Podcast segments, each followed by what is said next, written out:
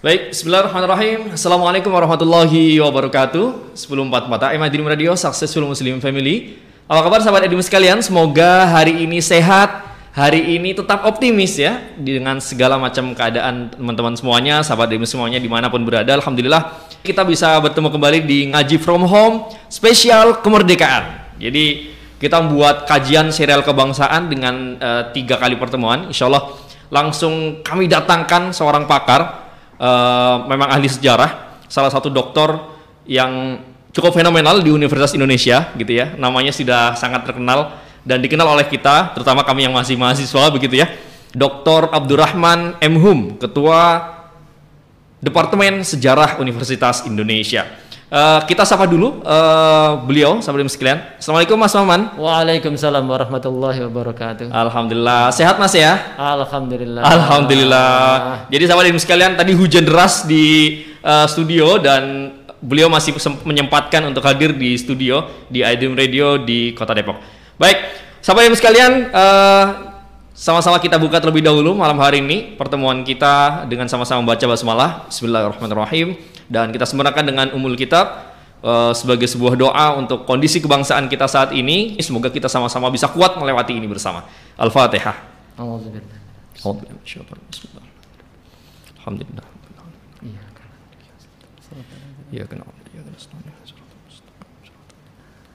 Baik, karena Mas Maman sudah hadir, Dr. Abdurrahman sudah hadir. Mari sama-sama kita simak sebuah materi yang insya Allah akan sangat menggugah kita tentang konteks uh, sejarah kebangsaan kita dalam konteks ini adalah sejarah umat Islam, dinamika Islam, pra kemerdekaan Indonesia. Kepada Mas Maman kami persilakan Mas Maman. Bismillahirrahmanirrahim. Assalamualaikum warahmatullahi wabarakatuh. Pendengar iDream Radio Successful Muslim Family ya. Alhamdulillah kita bisa bertemu dalam apa ngaji from home ngaji from home spesial kemerdekaan. kemerdekaan ya salam kenal saya Abdurrahman dari program studi ilmu sejarah. Kebetulan diamanai sebagai ketua departemen ilmu sejarah. Ya. Ada satu hal dulu sebelum masuk ke dalam satu materi saya selalu mengawali dengan sebuah pendahuluan gitu ya. Di mana kalau kita bicara tentang sejarah Islam atau peradaban Islam merupakan satu bagian penting yang tidak mungkin dipisahkan dalam kehidupan kaum muslimin dari satu masa ke masa lain. Karena begitu banyaknya kisah dari sebuah peristiwa-peristiwa penting dalam sejarah Islam itu menjadi satu pembelajaran yang penting bagi umat Islam. Dalam satu hadis riwayat Muslim Abdullah bin Mas'ud radhiyallahu anhu yang mengungkapkan hal ini dalam ucapannya orang yang berbahagia atau orang yang beruntung adalah orang yang mengambil nasihat atau pelajaran dari peristiwa yang dialami orang lain ini sudah menjadi sebuah sejarah. Gitu kan. Atau dalam Al-Qur'an juga Allah Subhanahu wa taala berfirman dalam surat Al-Asr yang bersumpah dengan waktu. Gitu. Kenapa konteksnya? Sejarah itu bicara waktu. Gitu. Dan Allah bersumpah dengan waktu itu untuk menunjukkan betapa pentingnya waktu itu gitu jadi demi masa sesungguhnya manusia itu benar-benar berada dalam kerugian. Kecuali orang-orang yang beriman mengerjakan amal soleh, saling menasehati supaya mentaati kebenaran dan saling menasehati supaya menetapi kesabaran. Sejarah itu sebuah nasihat. Konteksnya sih seperti itu. Ini sederhananya. Dan untuk memahami sebuah kisah sejarah itu perlu dikenalkan dulu sebenarnya apa sih sejarah itu gitu ya. Nah, teman-teman, sejarah itu merupakan kisah masa lampau. Tapi bukan semata kisah masa lampau. Sejarah itu adalah kisah tentang masa lampau manusia. Ada manusianya sebagai subjek dalam ruang dan waktu yang jelas. Ruangnya jelas, waktunya jelas, serta rasional. Jadi kalau tidak rasional bukan menjadi sebuah kisah sejarah.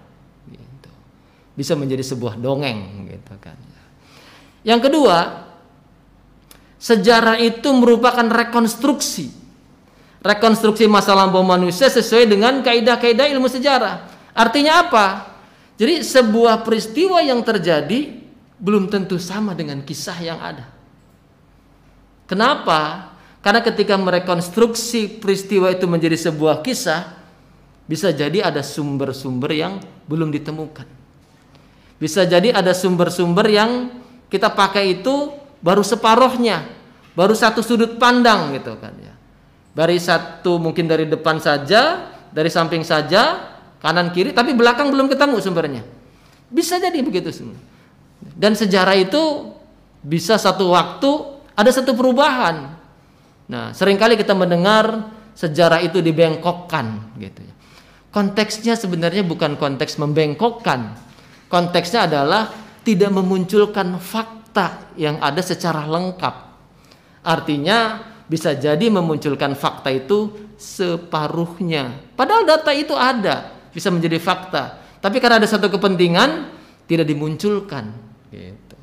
Ada yang faktor seperti itu. Sehingga sejarah itu harus objektif sebenarnya. Artinya netral, tidak memihak, menilai apa adanya sesuai dengan kenyataan. Bukan ada apanya, tetapi apa adanya. Ya. Sehingga sebuah sejarah itu dikatakan ilmiah. Walaupun pasti setiap manusia itu ada subjektivitas gitu ya. Subjektivitas selalu muncul. Jadi artinya ada berdasarkan pertimbangan-pertimbangan pribadi tapi itu yang harus dijaga betul oleh seorang sejarawan. Makanya seorang sejarawan itu harus bisa memperhatikan mana subjektivitas, mana objektivitas. Walaupun terkadang muncul sedikit itu lumrah lah gitu ya, lumrah. Tetapi tidak bisa subjektivitas itu jadi mendominasi gitu. Tetapi seharusnya adalah objektivitas itu yang mendominasi. Ada satu hal yang perlu kita ambil dalam surat Yusuf ayat 111. Sungguh pada kisah-kisah mereka itu terhadap terdapat pengajaran bagi orang-orang yang mempunyai akal. Jadi kisah sejarah itu ada satu pembelajaran. Nah, saya akan mengangkat satu tema kali ini terkait dinamika umat Islam para kemerdekaan. Teman-teman sekalian, saya akan mengawalinya dengan pembabakan sejarah Indonesia. Jadi harus diketahui dulu pembabakan sejarah Indonesia. Dalam pembabakan sejarah Indonesia ini ada masa kolonial. Kita pahamlah masa kolonial itu masa penjajahan sederhananya. Ada masa pergerakan, tumbuh bangkitnya nasionalisme. Ada masa pendudukan Jepang. Ini eh, kita tidak menyebut sebagai masa kolonial, tetapi di sini occupation pendudukan Kemudian masa revolusi, ini bagaimana kita melakukan suatu upaya perlawanan terhadap masuknya kembali Belanda. Ada masa demokrasi parlementer. Ini pasca ketika kita membentuk pemerintahan berdasarkan parlemen gitu kan. Kemudian ada demokrasi terpimpin, itu dikenal juga sebagai eranya Soekarno. Ada masa Orde Baru, ini eranya Soeharto. Kemudian ada masa reformasi. Nah, kita akan mengambil tiga sesi pertama kolonial, masa pergerakan dan masa pendudukan Jepang. Singkat, saya tidak akan bicara panjang-panjang. Kalau panjang-panjang bisa setengah semester ini. Kalau ya. tapi karena ya. ya, tapi karena kita punya waktu tadi dibatasi oleh ya, waktu kita 40 menit. Saya coba 40 menit selesai gitu ya. Wah, so. jadi dua S berapa SKS nih, Mas? Iya. Langsung di press ya, masya Allah. Kita mulai dari kolonialisme ya. Kalau kita lihat, saya langsung masukkan dengan kajian Islam gitu ya. Apa kaitannya kolonialisme dengan Islam? Sepertinya orang melihat, loh, apa emang Islam kolonial? Gitu. Bukan konteksnya. Tetapi kolonialisme itu berdampak terhadap pergerakan Islam. Gitu. Jadi kedatangan kekuatan kolonial menjadi satu awal kebangkitan Islam di Indonesia. Jadi, datangnya kolonialisme Belanda itu, datangnya kolonialisme kolonialisme dari bangsa Barat itu berdampak kepada awalnya kebangkitan Islam di Indonesia. Lo kok bisa? Ya, umat Islam tersadarkan, gitu istilahnya.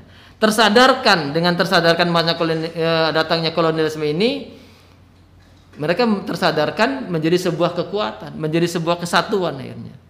Kenapa? Karena umat Islam itu menjadi pilar perjuangan rakyat melawan kolonialisme. Ini konteksnya. Pilar ya. Pilar konteksnya. Kita paham pilar ya. Beda dengan fondasi pilar itu. Pilar itu ya penyanggah gitu kan ya konteksnya. Jadi umat Islam menjadi pilar perjuangan rakyat melawan kolonialisme. Siapa yang menggerakkan umat? Gitu. Sosok siapa? Orang lebih cenderung akan mencari sesuatu yang ada di lingkungannya yang menjadi bagian dari dirinya. Ya alim, alim ulama ini. Gitu. Ada yang menyebutnya kiai, ada yang menyebutnya ajengan, ada yang menyebutnya tengku. Gitu. Jadi konteks di era abad ke-18 abad eh, abad 19 gitu kan ya. Itu bisa dikenal sebagai satu era gerakan sosial. Nanti kita bicara sih seperti itu. Nah, kita balik lagi tadi. Jadi keterlibatan ulama dalam politik di Indonesia itu sama tuanya dengan sejarah perkembangan Islam di Indonesia. Sejak zaman kerajaan sudah ada ulama kontemporer seperti itu. Ada wali songo lah kita kenal di situ. Zaman kolonial hingga Indonesia saat ini ulama punya peran besar dalam membangun keindonesiaan itu sendiri. Keterlibatan mereka dalam politik adalah sebagai awal untuk mengusir kekuatan kolonial. Mereka yang menggerakkan umat. Satu contoh, ada satu kajian tentang Ciomas juga sama. Ada satu contoh kajian tentang pemberontakan petani Banten. Nama sih pemberontakan petani Banten, tapi tokohnya adalah ulama. Nah, dengan berkaca pada sejarah, gitu, ulama dan umat punya peran besar dalam perjuangan bangsa Indonesia. Jadi kita di Indonesia ini ini sederhana tentang era kolonialisme. Saya mengambil konteks seperti itu. Nah, dengan berdirinya satu pemerintahan kolonial Hindia Belanda gitu kan masuknya mereka mendirikan satu pemerintahan kolonial Belanda yang mendominasi kaum pribumi itu memunculkan satu keresahan dalam masyarakat. Kita melihatnya sisi seperti ini nih gitu ya. Ingin melihat saya katakan tadi dari satu gerakan sosial ke gerakan nasional sehingga masyarakat itu mencari satu sosok yang mampu memberikan perlindungan. Satu sosok yang mampu memberikan semangat. Satu sosok yang mampu memberikan harapan bagi mereka. Siapa yang mereka cari? Priayi. Bangsawan. Bukan. Tokoh agama mereka. Saya katakan tadi, alim ulama, kiai, ajengan tengku Kondisi ini, keresahan ini memunculkan satu gerakan sosial di masyarakat. Satu gerakan perlawanan di masyarakat. Abad 19 itu dikatakan menjadi satu awal abad perlawanan. Dari ujung barat Indonesia sampai ujung timur. Kita mengenal dari ujung sana perang Aceh gitu kan ya. Sampai pemberontakan perlawanan di daerah Maluku. Gitu di, di Kalimantan sampai di tanah Jawa. Jadi barat ke timur, utara ke selatan ketemu. Muncul satu gerakan perlawanan yang kita kenal pada saat itu sebagai satu gerakan-gerakan sosial. Saya gampangkan tadi ya ada petani Banten, ada Ciomas, ada pemberontakan Banjar gitu kan. Ada kita kenal perang Padri, ada kenal kita perang Aceh, ada kenal juga kita kenal perang Diponegoro dan sebagainya. Nah, ini menjadi satu bentuk wujud satu gerakan sosial. Saya tidak ngambil konteks pandangan dari sejarawan Indonesia semata gitu ya. Tapi kita lihat bagaimana pandangan ahli sejarah asing melihat konteks abad ke-19. Hari Jebenda menyebutkan bahwa perlawanan yang muncul pada abad 19 sebagian besar bercirikan Islam. Ini sebagian besar ya, bercirikan Islam. Mengapa Benda mengatakan seperti ini? Dia katakan bahwa masyarakat yang frustasi akan mencari kekuatan ke dalam diri mereka sendiri. Jadi masyarakat yang frustasi konteksnya ketika menghadapi kekuatan kolonial tadi gitu ya. Jadi mereka kembali kepada kekuatan yang ada dalam diri mereka sendiri, kepada kepercayaan yang mengakar dalam kehidupannya. Nah, inilah yang dikatakan sebagai saya katakan tadi bangkitnya Islam itu karena kolonialisme. Jadi frustasi mereka dengan kekuatan seperti mereka kembali ke kekuatan mereka sendiri mencari gitu. Siapa dalam Islam ini yang bisa membantu menggerakkan seperti itu? Nah, dikatakan juga oleh Benda, Islam menyebutkan adanya balasan bagi orang yang memperjuangkan hak dalam melawan kaum batil yang dikenal sahid. Maka muncul perang Padri, perang Aceh, perang Jawa, perang dan sebagai perang jihad. Yang menggerakkan ulama. Gitu. Ini sebagai contoh doang gitu ya. Apakah kalangan lain? Ya, kalangan lain juga terlibat konteks seperti ini. Karena kita ingin melihat tentang dinamika umat Islam, maka saya memandang dari sisi-sisi seperti ini gitu ya. ya. Di sisi lain selain benda tadi adalah paper. Ini advisor for Inlandse Zaken. Ini pejabat pemerintah Belanda gitu. Dia menyebutkan bahwa kaum muslimin Indonesia sebelum abad 19 bagaikan air sungai yang mengalir dengan tenangnya. Kita perhatikan ya, sungai yang besar itu kan digambarkan dengan umat Islam yang besar tuh. Ngalir tenang. Namun ketika muncul gelombang pembaruan dari Timur Tengah, ini kunci. Muncul gelombang pembaruan dari Timur Tengah, ditambah dikenalkannya pendidikan modern pada abad 19, Air yang tenang tadi mulai berteriak. Ya beriak gitu ya. Terus bergelombang. Akhirnya meluap bagaikan air bah. Artinya apa? Pengaruh Timur Tengah dan masuknya pendidikan modern membuka wawasan mereka. Gitu kan. Membuka wawasan mereka bagaimana posisi mereka pada saat itu. Bagaimana kondisi mereka pada saat itu. Sehingga mereka berontak melakukan perlawanan. Ini sesuai dengan sifat hakiki manusia. Sebagai fitrahnya manusia ini kan adalah merdeka gitu sifatnya kan. Maka mereka menuntut konteks seperti itu.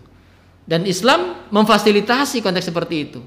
Karena memang melindungi sebagai satu sifat universal kemerdekaan itu. Nah, Gerakan mereka ini tidak padam walaupun tokohnya ditangkap. Gitu. Gerakan pembaruan mereka terus berkembang, dilanjutkan dengan para pembaru berikutnya. Kita ambil contoh, perang Padri itu nggak berhenti perang Padri itu sampai dua kali, sampai Belanda kewalahan. Gitu. Ya terus bergulir pimpinnya. Nah, begitu juga ketika kita lihat perang Aceh. Begitu panjang perang Aceh kan, baru sampai 1903. Begitu juga kita kalau lihat juga perang Jawa gitu. Terus gerakan di Banjarmasin gitu. Ya Kalimantan umumnya, Sulawesi, Maluku dan sebagainya. Gitu. Jadi gerakan pemboran terus berkembang, berkembang, berkembang. Yang memuncak, yang akhirnya berdampak pada satu kesadaran yang membangkitkan nasionalisme nation. Nah, di sini umat Islam juga punya peran konteksnya dalam satu kebangkitan nasional Indonesia. Nah, kita ambil contoh lah gitu ya. E, ketika masa pergerakan muncul berbagai macam organisasi-organisasi pergerakan Islam. Saya ambilkan contoh saja. Ada Jamiat Khair ini 1901 organisasi sosial kemasyarakatan. Ada Syarikat Dagang Islam yang kemudian berubah menjadi Syarikat Islam pada tahun 1911. Ini SDI 1905. Ini merupakan organisasi sosial kemasyarakatan yang berubah menjadi organisasi sosial politik. Ada Muhammadiyah di tahun 12. Ini sosial keagamaan. Ini bisa sosoknya memang dahlan gitu kan ya. Kalau SI banyak sosoknya tetapi dari SDI itu kita nah. kemudian ada Al Irsad Al Islamiyah di Jakarta ini tahun 14 ini organisasi sosial keagamaan pendidikan Ada Perserikatan Umat Islam di Majalengka. POI. Sekarang pesantrennya masih ada. Ini kayak Haji Abdul Halim 1911. Ada Matlaul Anwar di Banten. Ini sosok awalnya ada Mas Abdurrahman bin Mas Jamal. Muridnya Syekh Nawawi Al-Bantani. Gitu. Ini kan jelas pengaruh Timur Tengah nih. Gitu kan. Ada Nahdlatul Ulama 1926 Ki Hasim dan Ki Wahab Hasbullah ada al ittihad apa al ittihad apa it, al ittihadiyatul islamiyah gitu kan ya. ini AII tokonya Ahmad Sanusi yang kemudian bergabung dengan Perserikatan Umat Islam menjadi Persatuan Umat Islam nah, AII dengan PU ini ini beberapa contoh terkait dengan organisasi-organisasi pergerakan.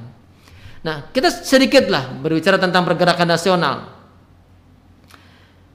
Uh, fokus awal pergerakan nasional Indonesia itu adalah kesadaran identitas, identitas diri sebagai sebuah bangsa gitu sadarnya. Terus ada solidaritas lewat integrasi. Ada mobilitas lewat organisasi. Dalam artian tumbuhnya organisasi modern pada awal abad ke-20 mempunyai latar belakang dan tujuan yang berbeda. Namun memiliki kesamaan perlawanan terhadap kekuatan kolonial. Nah, kita bisa lihatlah gitu ya bahwa konteks munculnya organisasi-organisasi yang ada pada masa pergerakan itu adalah satu fenomena pencarian ideologi Islam belum menjadi sebuah ideologi pada saat itu. Masih menjadi sebuah agama yang menggerakkan gitu ya. Belum difahami betul. Kalau kita tanya selanya mereka muslim tetapi pemahaman keislamannya masyarakatnya masih kecil. Baru pada tingkat elit ya, pada tingkat elit pemahamannya. Jadi ulamanya memahami, makanya dakwah itu tidak berhenti gitu ya. Tantangannya. Saya ingat betul ketika ditanya terkait eh, tentang disertasi saya mengenai tentang apa kenapa kamu bahas seperti itu? Apakah proses islamisasi itu berhenti? Saya bilang proses islamisasi tidak pernah berhenti karena menjadi sebuah proses dakwah. Karena islamisasi itu bukan hanya ke non muslim tapi ke muslim itu sendiri. Nah, kita kembali lagi. Jadi fenomena pencarian ideologi muncul pada masa pergerakan nasional. Bagaimana dapat menyatukan semua unsur dalam masyarakat Indonesia yang heterogen ke dalam satu wadah persatuan. Nah, proses pencairan ini membawa pada pengelompokan dua golongan besar pada masa itu. Yang pertama, golongan yang mendasarkan gerakan nasionalisme mereka pada agama. Saya mengambil contoh ini adalah nasionalis Islam. Yang kedua, golongan yang mendasarkan nasionalisme sebagai ideologi sendiri. Saya menyebutnya nasionalisme kebangsaan. Saya tidak menyebutnya apa bahasanya ya. Uh, konteks satu sisi kok saya jadi lupa masalahnya ya. Jadi kenapa saya katakan nasionalis Islam? Karena kalangan Islam itu nasionalis. Jangan sampai kalangan Islam saja tidak dilihat nasionalismenya. Nah, yang satu nasionalis kebangsaan saya tidak katakan sebagai nasionalisme sekuler. Karena walaupun mereka nasionalisme, tetapi nilai-nilai religiusitas itu tertanam. Saya contohkan di sini gitu adalah Muhammad Hatta. Hatta itu religius, tetapi bukan menjadi bagian dari organisasi yang mendasarkan pada agama. Tapi nilai-nilai keagamaan itu tertanam pada dia. Saya ingat betul ketika eh, Bu Rahmi Hatta berkisah terkait dengan Pak Hatta itu kalau sholat udah minta sesuatu lama sekali. Gitu.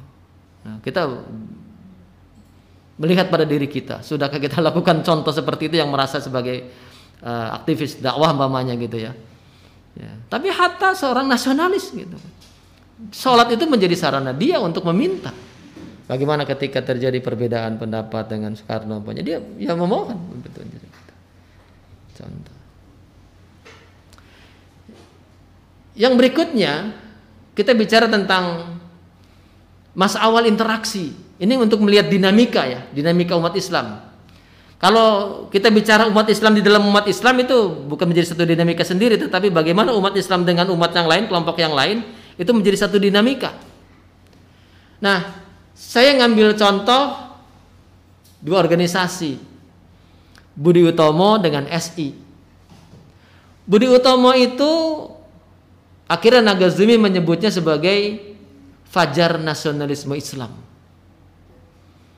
Kenapa konteksnya? BU itu pada awalnya wadah bagi semua organisasi pergerakan dalam berinteraksi menyalurkan aspirasi.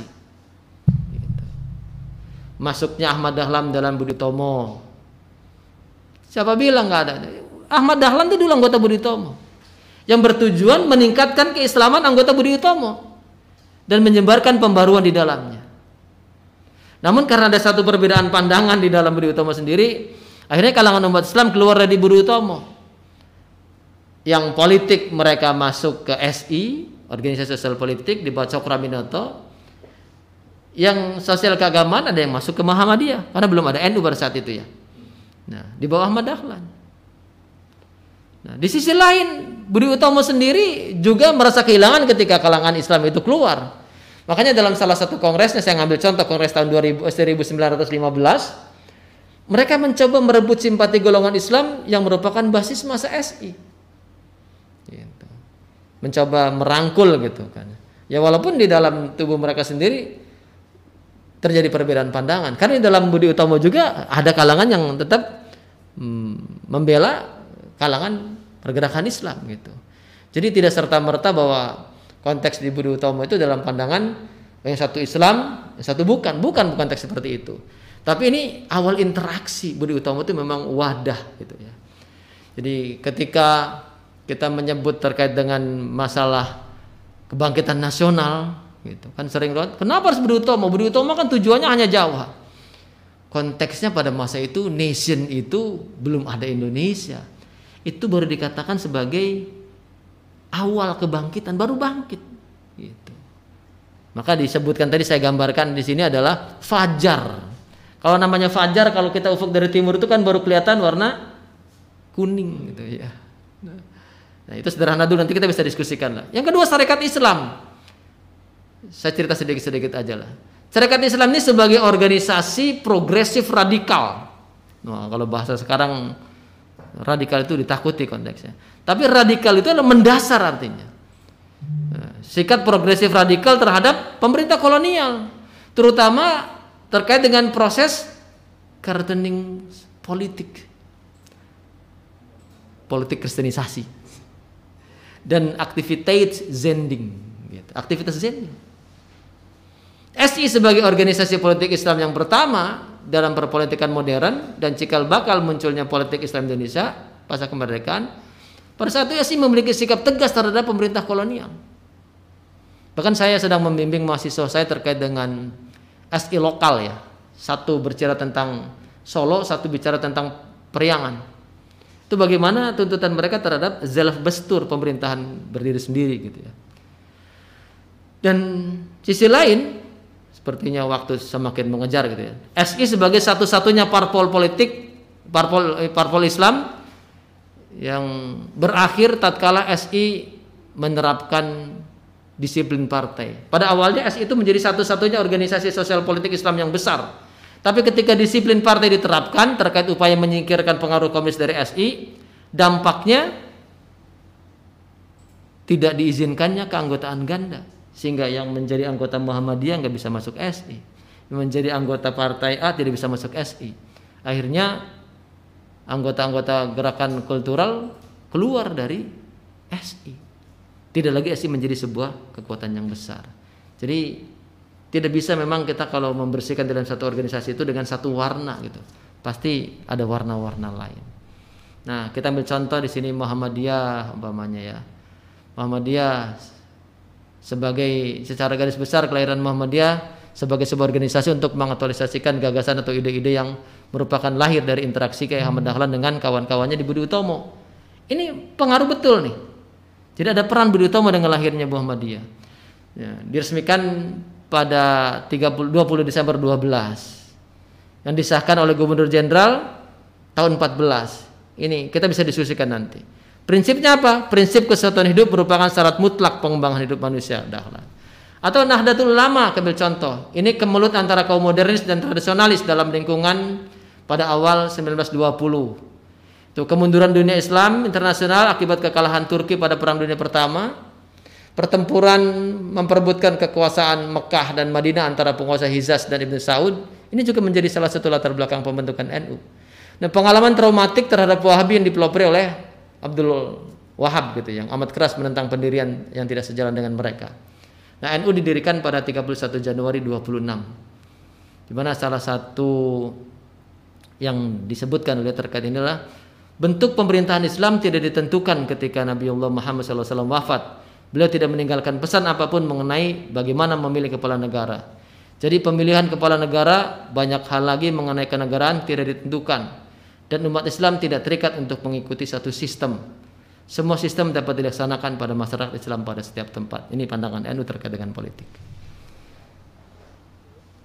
Loh, Mas kok memasukkan PPPPKI? Ya, permufakatan perhimpunan politik kebangsaan Indonesia itu siapa tokohnya gitu awalnya Soekarno Soekarno nih sebelum menjadi PNI ya adalah tokoh Algemene Study Club Bandung yang kemudian mendirikan Perserikatan Nasional Indonesia PNI ya PNI itu bukan Partai Nasional Indonesia awalnya Perserikatan Nasional Indonesia itu memiliki hubungan baik dengan SI karena dia dekat dengan Cokro makanya pada Kongres SI tahun 27 di Pekalongan Soekarno mengusulkan membangun suatu konfederasi partai politik. Minta ke SI, bahasanya SI tolong dong ini. Bagaimana kalau membangun ini?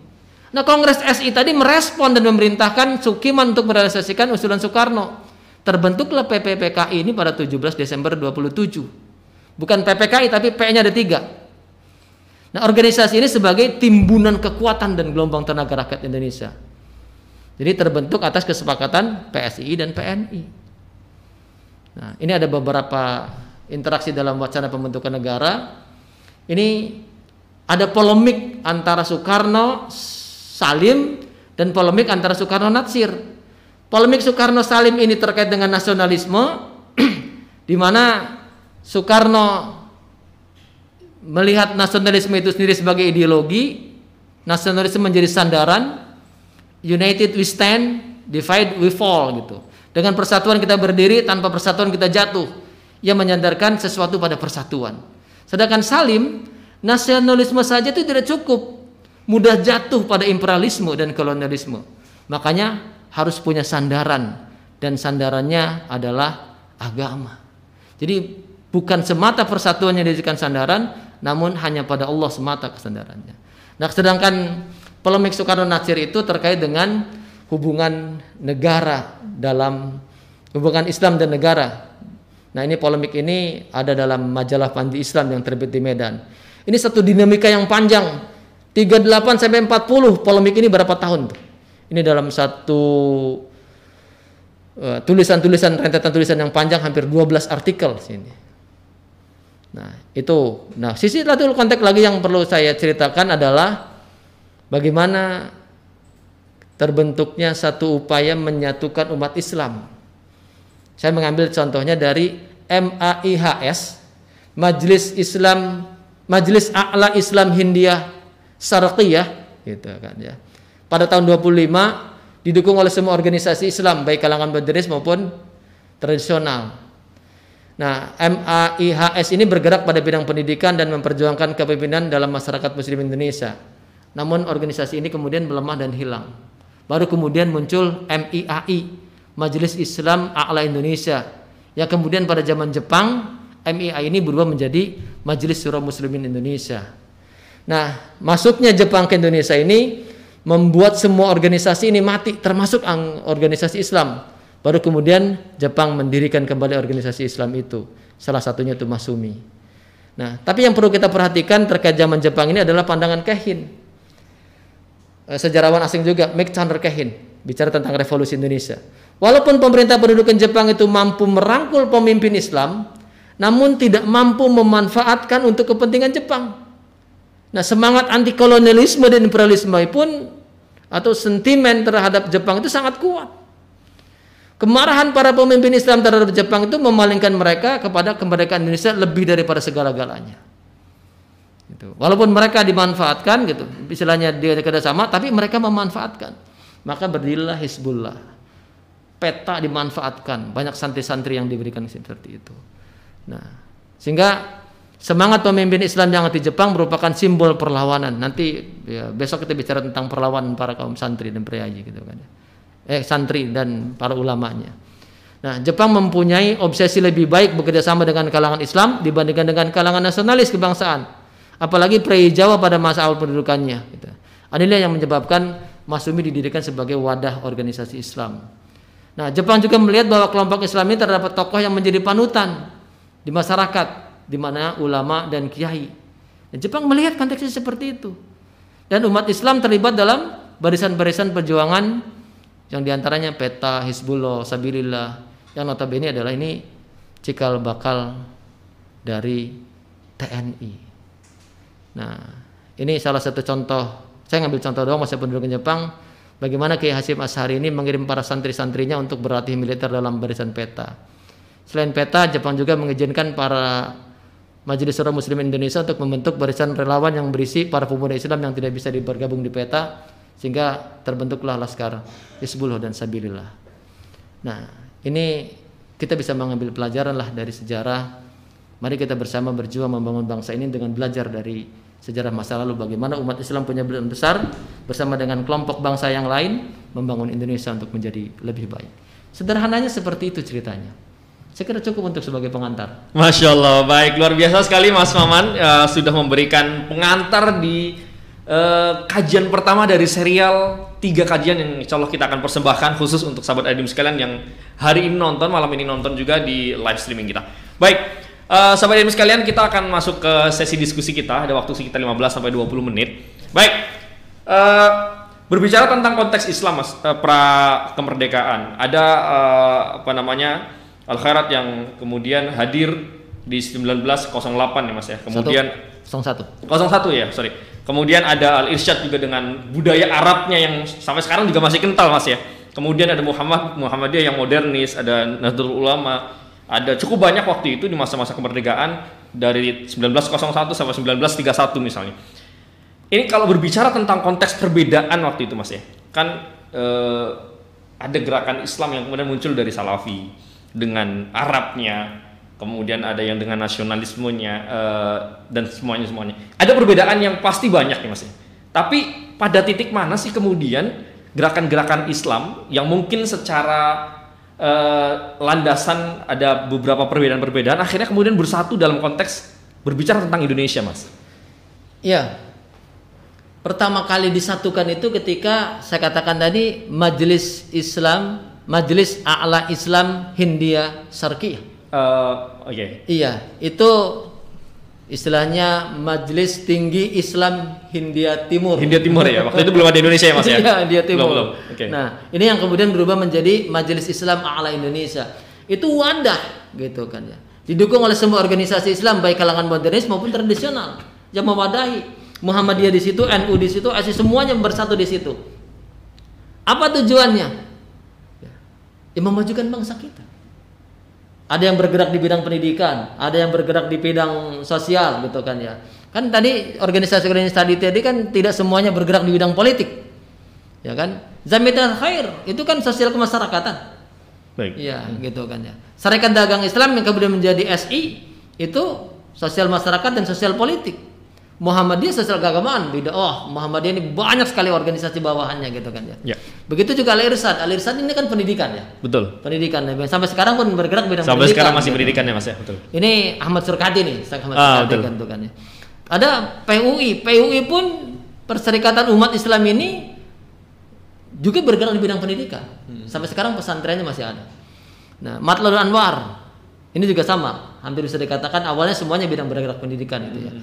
Begitu juga Nahdlatul Ulama kan, konteks seperti ini. Nah, sama Al Ittihadiyah Al Islamiyah juga hampir semuanya konteks seperti itu. Jadi yang menyatukan mereka itu Ini kan karena wilayah-wilayah mereka yang berbeda-beda memang kan tempatnya kan ya. Tapi memang kalau kita perhatikan konteks ya kesamaan konteks keislaman dalam rangka mengusir kekuatan kolonial gitu melakukan satu perlawanan kekuatan kolonial ini yang menyatukan mereka gitu. ya tidak bisa dipungkiri lah gitu kan ya bahwa munculnya organisasi-organisasi Islam ini memiliki latar belakang yang berbeda. Saya gambarkan tadi kan memiliki latar belakang berbeda. Tubuhnya organisasi modern kan pada awal mempunyai latar belakang berbeda, tujuan berbeda, namun memiliki kesamaan perlawanan terhadap kekuatan kolonial. Kenapa konteksnya? Ada satu prinsip di kalangan ya, para elit pada saat itu ada dua elit lah membagi uh, saya lupa pengarang bukunya dikenal sebagai elit modern gitu ya. Ya. Elit politik. Nah, ada elit fungsional. Hmm, hmm, hmm. Elit politik ini adalah orang-orang yang berpendidikan yang berpikir bahwa dengan pendidikan itu kita bisa membawa maju bangsanya. Hmm. Maka dengan orang-orang yang terdidik kita bisa memimpin bangsa itu sendiri. Yang kedua elit fungsional yang memanfaatkan ilmunya itu untuk mencari kebutuhannya sendiri. Artinya dia bekerja pada kekuatan kolonial, bekerja pada saat itu pemerintah kolonial untuk mendapatkan bagi kepentingan mereka sendiri, ya, ya. fungsional mereka sendiri gitu. Hmm. Nah, kelompok yang pertama inilah yang menggerakkan, gitu kan. yang menggerakkan dengan pendidikan. Makanya bersebagian besar itu dengan pendidikan. SI sendiri walaupun sosial politik dia punya lembaga pendidikannya. Ada sekolah rakyat SI gitu. Okay. Jadi hampir semuanya itu yang menyatukan mereka adalah pendidikan. pendidikan Bagaimana ya. mereka berpikir mendidik masyarakat Indonesia karena pada saat itu pendidikan itu menjadi satu hal yang lux, mewah. Oke. Jadi tidak semua orang Indonesia bisa belajar walaupun ada politik etis. Itu hmm. hanya kalangan bangsawan. Bangsawan betul iya, ya. Rakyat biasa nggak bisa. Elit-elit saja ya. Iya. Ya. Makanya mereka membentuk lembaga-lembaga pendidikan untuk masyarakat umum. Nah, sini kesatuan mereka bisa menyatukan adalah baik, baik. mereka mencerdaskan bangsanya hmm. untuk melakukan ya perlawanan terhadap kekuatan kolonial. Jadi punya satu semangat bersama ya. untuk mencerdaskan bangsa ya, Mas ya. Juga tentu untuk melawan kolonialisme waktu itu ya. ya. Membuka wawasan kesadaran mereka. Karena kalau tidak dibuka wawasan kesadaran mereka, saya katakan tadi kan seperti air yang tenang bergerak. Uh, betul betul. Iya, tapi ketika sadar oh ternyata mereka dijajah, saya ini dijajah, mereka berpikir gitu kan. Bisa jadi resolusi jihad itu tidak muncul kalau kalau santri tidak dijelaskan waktu itu ya Mas ya. Iya, konteksnya eranya berbeda. Oh, eranya eranya berbeda, eranya jauh ya Mas ya. Iya, eranya agak jauh. Oke okay, oke okay, baik. Itu konteks baru baru proses bangkitnya nasionalisme. Oke okay, oke. Okay. Nah, nanti setelah konteks 1928 itu kan baru ada deklar. Ini karena kita berbicara secara singkat gitu ya. Hmm. Jadi saya tidak menyinggung 1928 ketika Sumpah Pemuda itu menjadi satu deklar pernyataan bahwa kita punya bangsa yang satu. Hmm. Kita punya tanah air yang satu. Hmm. Ini masalah bahasa nih tadinya sulit. Karena sebenarnya Kongres Pemuda pertama ini sudah menentukan nomor satu, nomor dua, tapi nomor tiganya belum sepakat. Hmm. Akhirnya kita nggak punya bahasa. Ya udah bikin aja bahasa baru bahasa Indonesia. Jadi bahasa Indonesia pun bahasa baru sebenarnya bahasa Mas ya. Karena pada saat itu nggak dikenal. Betul betul. Iya kan, bangsanya baru, tata airnya baru, bahasanya juga baru. Indonesia ini dibentuk, bukan ada dari dulu, tapi Indonesia ini dibentuk. Maka saya ngambil judul membentuk Indonesia titik dua dinamika umat Islam pra kemerdekaan. Jadi proses Indonesia ini dibentuk dan umat Islam punya peran dalam proses membentuk Indonesia.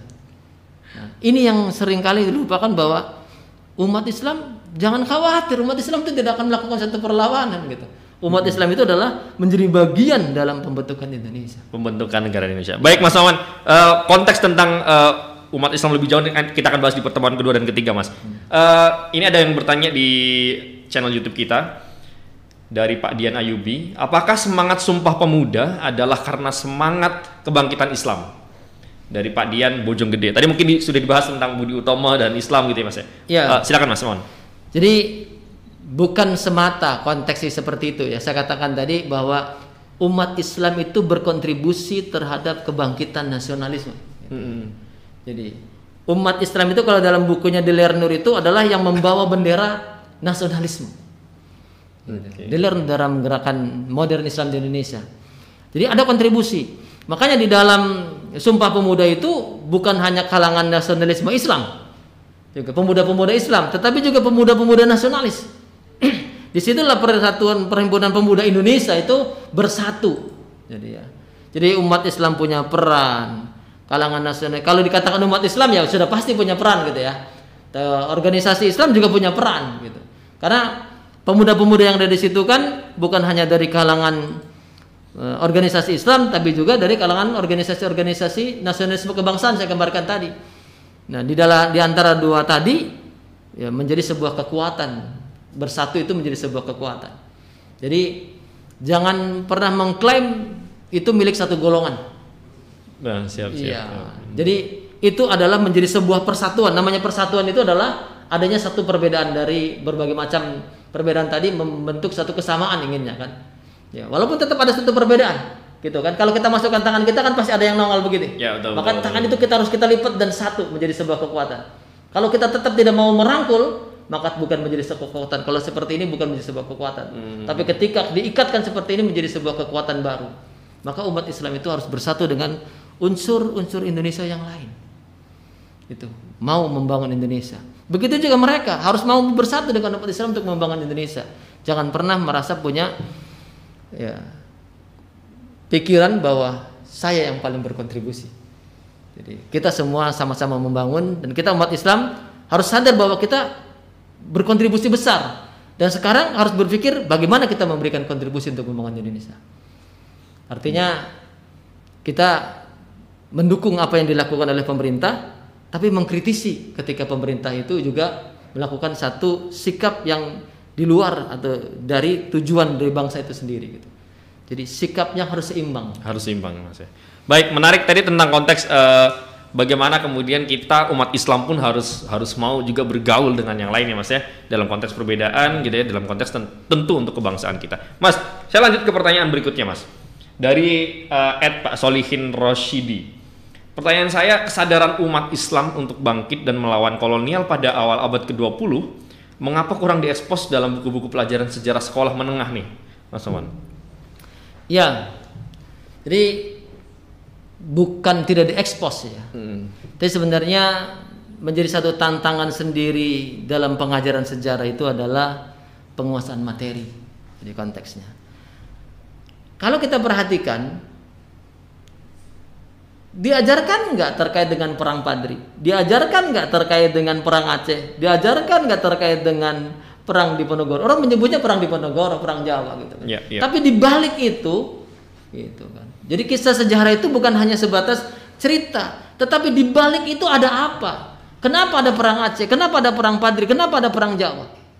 Nah ini yang sering nggak terungkap sehingga yang dikatakan tadi bahwa kontribusi umat Islam itu nggak kelihatan. Itu padahal konteks di balik eh, perang Padri itu adalah ya semangat keislaman. Apa yang menggerakkan mereka untuk melakukan perlawanan? Jihad. Gitu. Karena ada satu tantang konteks seperti ini. Apa yang menggerakkan di Ponorogo memang seperti itu? Ya, konteks yang sama. Gitu. Begitu juga ketika kita melihat perang Banjar dan sebagainya. Ya, Jadi tantangannya adalah bagaimana guru-guru sejarah itu betul-betul menguasai materi. Nah, ini yang menjadi satu tantangan kita gitu kan ya. Jadi tantangan kita karena untuk mampu menguasai materi itu mau membaca. Sejarah itu kuncinya adalah membaca. Nah, ini kan diajarkan oleh Allah juga dengan ikro gitu ya. Baca, membaca itu kuncinya. Jadi ketika kita mengajar sejarah, kuncinya adalah ngebaca dulu gitu ya, membaca. Karena sejarah kalau diajarkan di kita kan umumnya hafalan ya. Yang ditanya itu tahunnya gitu kan, ditanya itu namanya gitu. Tapi konteksnya ditanya adalah di balik peristiwa kenapa terjadi perang di Ponorogo, kenapa terjadi perang Padri gitu. Jarang dilihat, tapi tanyanya kapan, siapa tokohnya, di mana tempatnya. Nah, padahal sejarah itu bukan hanya kapan, tapi juga menjadi bagaimana dan mengapa. Gitu. Ini seperti itu menjadi. Nah, jadi menjadi tantangan kita adalah konteks seperti yang kedua, guru-guru sejarah di sekolah itu belum tentu punya latar pendidikan sejarah. Makanya banyak juga guru sejarah yang latar pendidikannya bekas keterampilan, bekas guru yang lain gitu kan ya. sepertinya mengajarkan sejarah itu cukup yang dari buku uh, pelajaran gitu ya. Padahal di balik itu lebih penting sehingga penguasaan terhadap materi itu menjadi satu hal yang utama. Ada sebenarnya dalam dalam kurikulumnya ada. Dalam kurikulumnya, tetapi kurang terungkap ketika menulis dalam buku-buku itu secara detail. Karena kalau detail itu pasti buku akan tebal sekali maka ada buku babonnya gitu kan ya kalau buku babon nah buku-buku yang SMA itu memang buku sekolah apalagi buku SD ya sedikit sekali apalagi kebijakan pemerintah lewat kurikulum sebelum kurtilas sebelum kurikulum 13 itu sejarah sedikit sekali apalagi untuk orang IPA gitu dianggapnya nggak penting di kita padahal sejarah itu menjadi satu dasar dalam pembangunan bangsa kalau kita perhatikan beberapa waktu lalu saya wawancara dengan VOA Amerika itu menyebutkan konteks terkait dengan pentingnya sejarah gitu. Bagaimana mereka menanamkan sejarah, bagaimana orang-orang Amerika memahami sejarah mereka.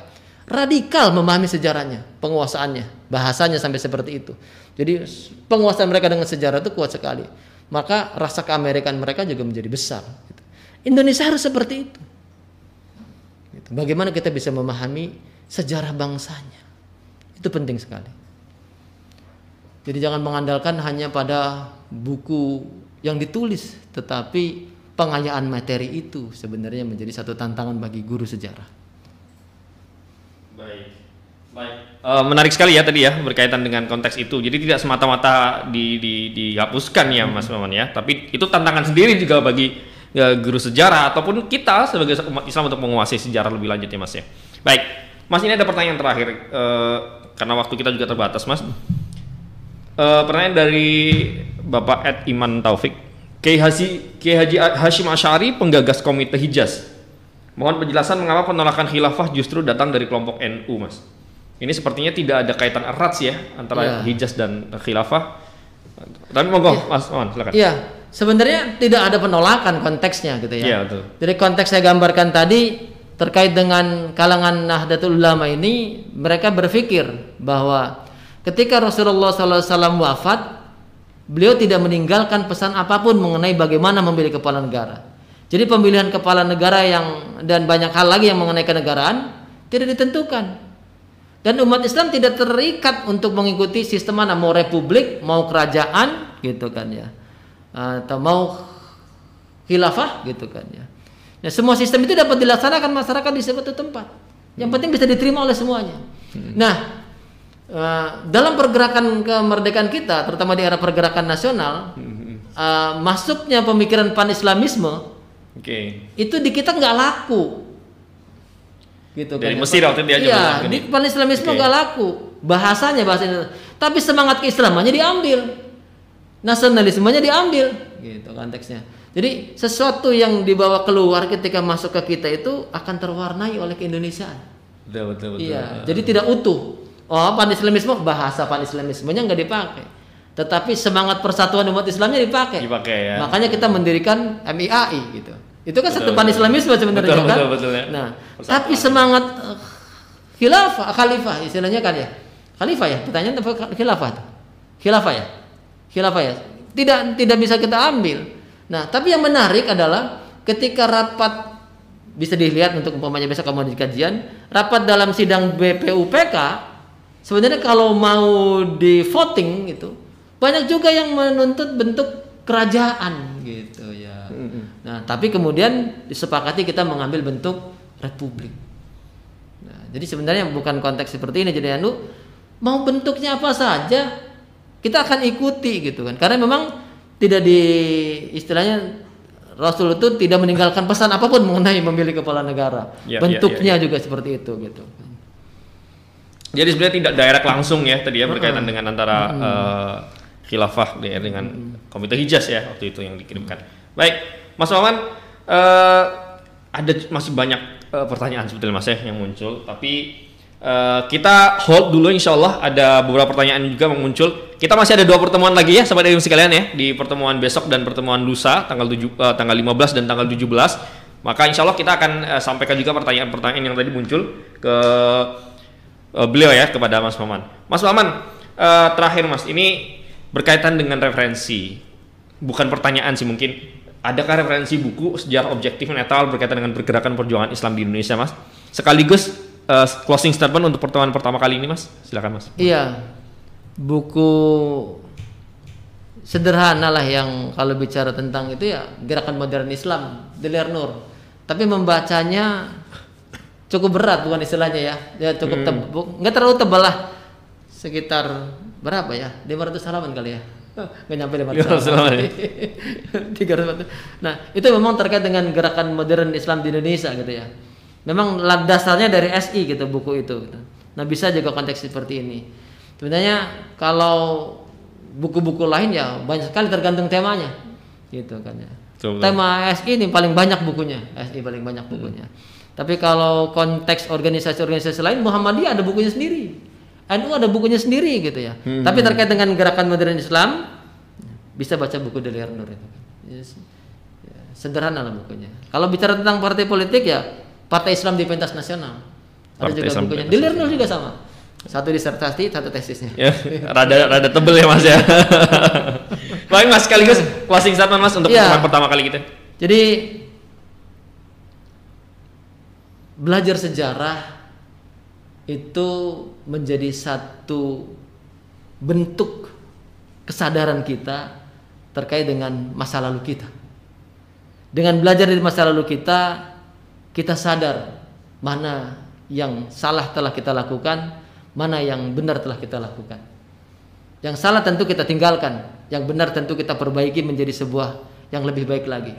Sehingga kita akan menapak ke depan jauh lebih kuat, jauh lebih kokoh menuju Indonesia lebih baik gitu. Insya Allah. Insya Allah. Itu masih ada.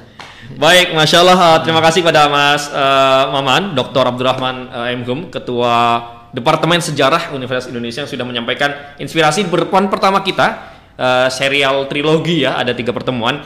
Dan hari ini alhamdulillah cukup banyak yang uh, join kita, Mas Maman ya. Ada yang dari Medan, ada yang dari Bengkulu, ada yang dari Kalimantan Tengah, dan ada beberapa uh, dosen dan dokter-dokter kita dan dokter uh, Suranta dan banyak yang nonton kita juga malam hari ini. Saya izin kemudian menyampaikan kembali uh, ibu sekalian mengingatkan bahwa insya Allah ini adalah salah satu pertemuan pertama kita di serial uh, tiga kali pertemuan khusus tentang kebangsaan ngaji from home spesial kemerdekaan yang insya Allah akan kita lanjutkan di besok malam gitu ya. Jadi menemani malam minggu sahabat Edim ya, yang apalagi yang sendirian ya kan di kosan gitu mahasiswa, ayo nonton besok jam yang sama insya Allah jam 19.45 sampai jam 9 waktu Indonesia Barat masih bersama dengan Dr. Abdurrahman M. Hum. Saya izin mengutip sebuah eh, yang disampaikan di salah satu kolom chat eh, Mas Maman sebagai sebuah penutup gitu ya. Ini dari seorang senior saya juga gitu ya, Raisya Hagia. Salam sukses Dr. Abdurrahman. Indonesia akan terus mengindonesia dan Islam pun akan terus mengislam. Imbuhanmu mengandung arti baik Indonesia dan Islam akan terus menjadi eh, kerja yang belum usai. Baik, maka sahabat ibu sekalian, eh, tadi sekaligus menutup perjumpaan kita pada malam hari ini. Pesan dari Mas Mawan adalah bagaimana kemudian kita bisa belajar sejarah untuk kemudian semakin men- menjadikan kita bijak, menjadikan kita dewasa tentang konteks perbedaan sehingga kemudian masing-masing perbedaan dan perjuangan itu akan kemudian kita olah untuk kemudian menjadi generasi-generasi yang siap untuk memajukan Islam dan bangsa kita. Saya Farudin Albi mohon pamit dari ruang dengar Anda. Terima kasih dan jangan lupa subscribe yang belum subscribe. Jangan lupa uh, like dan komen juga di channel kami. Terima kasih. Mari sama-sama kita tutup dengan bacaan hamdalah Alhamdulillah. Dan doa penutup majelis subhanakallahumma bihamdika asyhadu an la ilaha illa anta astaghfiruka wa atubu ilaik. Terima kasih saya Farudin Alwi mohon pamit dari ruang dengar Anda beserta kru yang bertugas. Mohon maaf bila ada kesalahan. Terima kasih wassalamualaikum warahmatullahi wabarakatuh. Waalaikumsalam warahmatullahi wabarakatuh.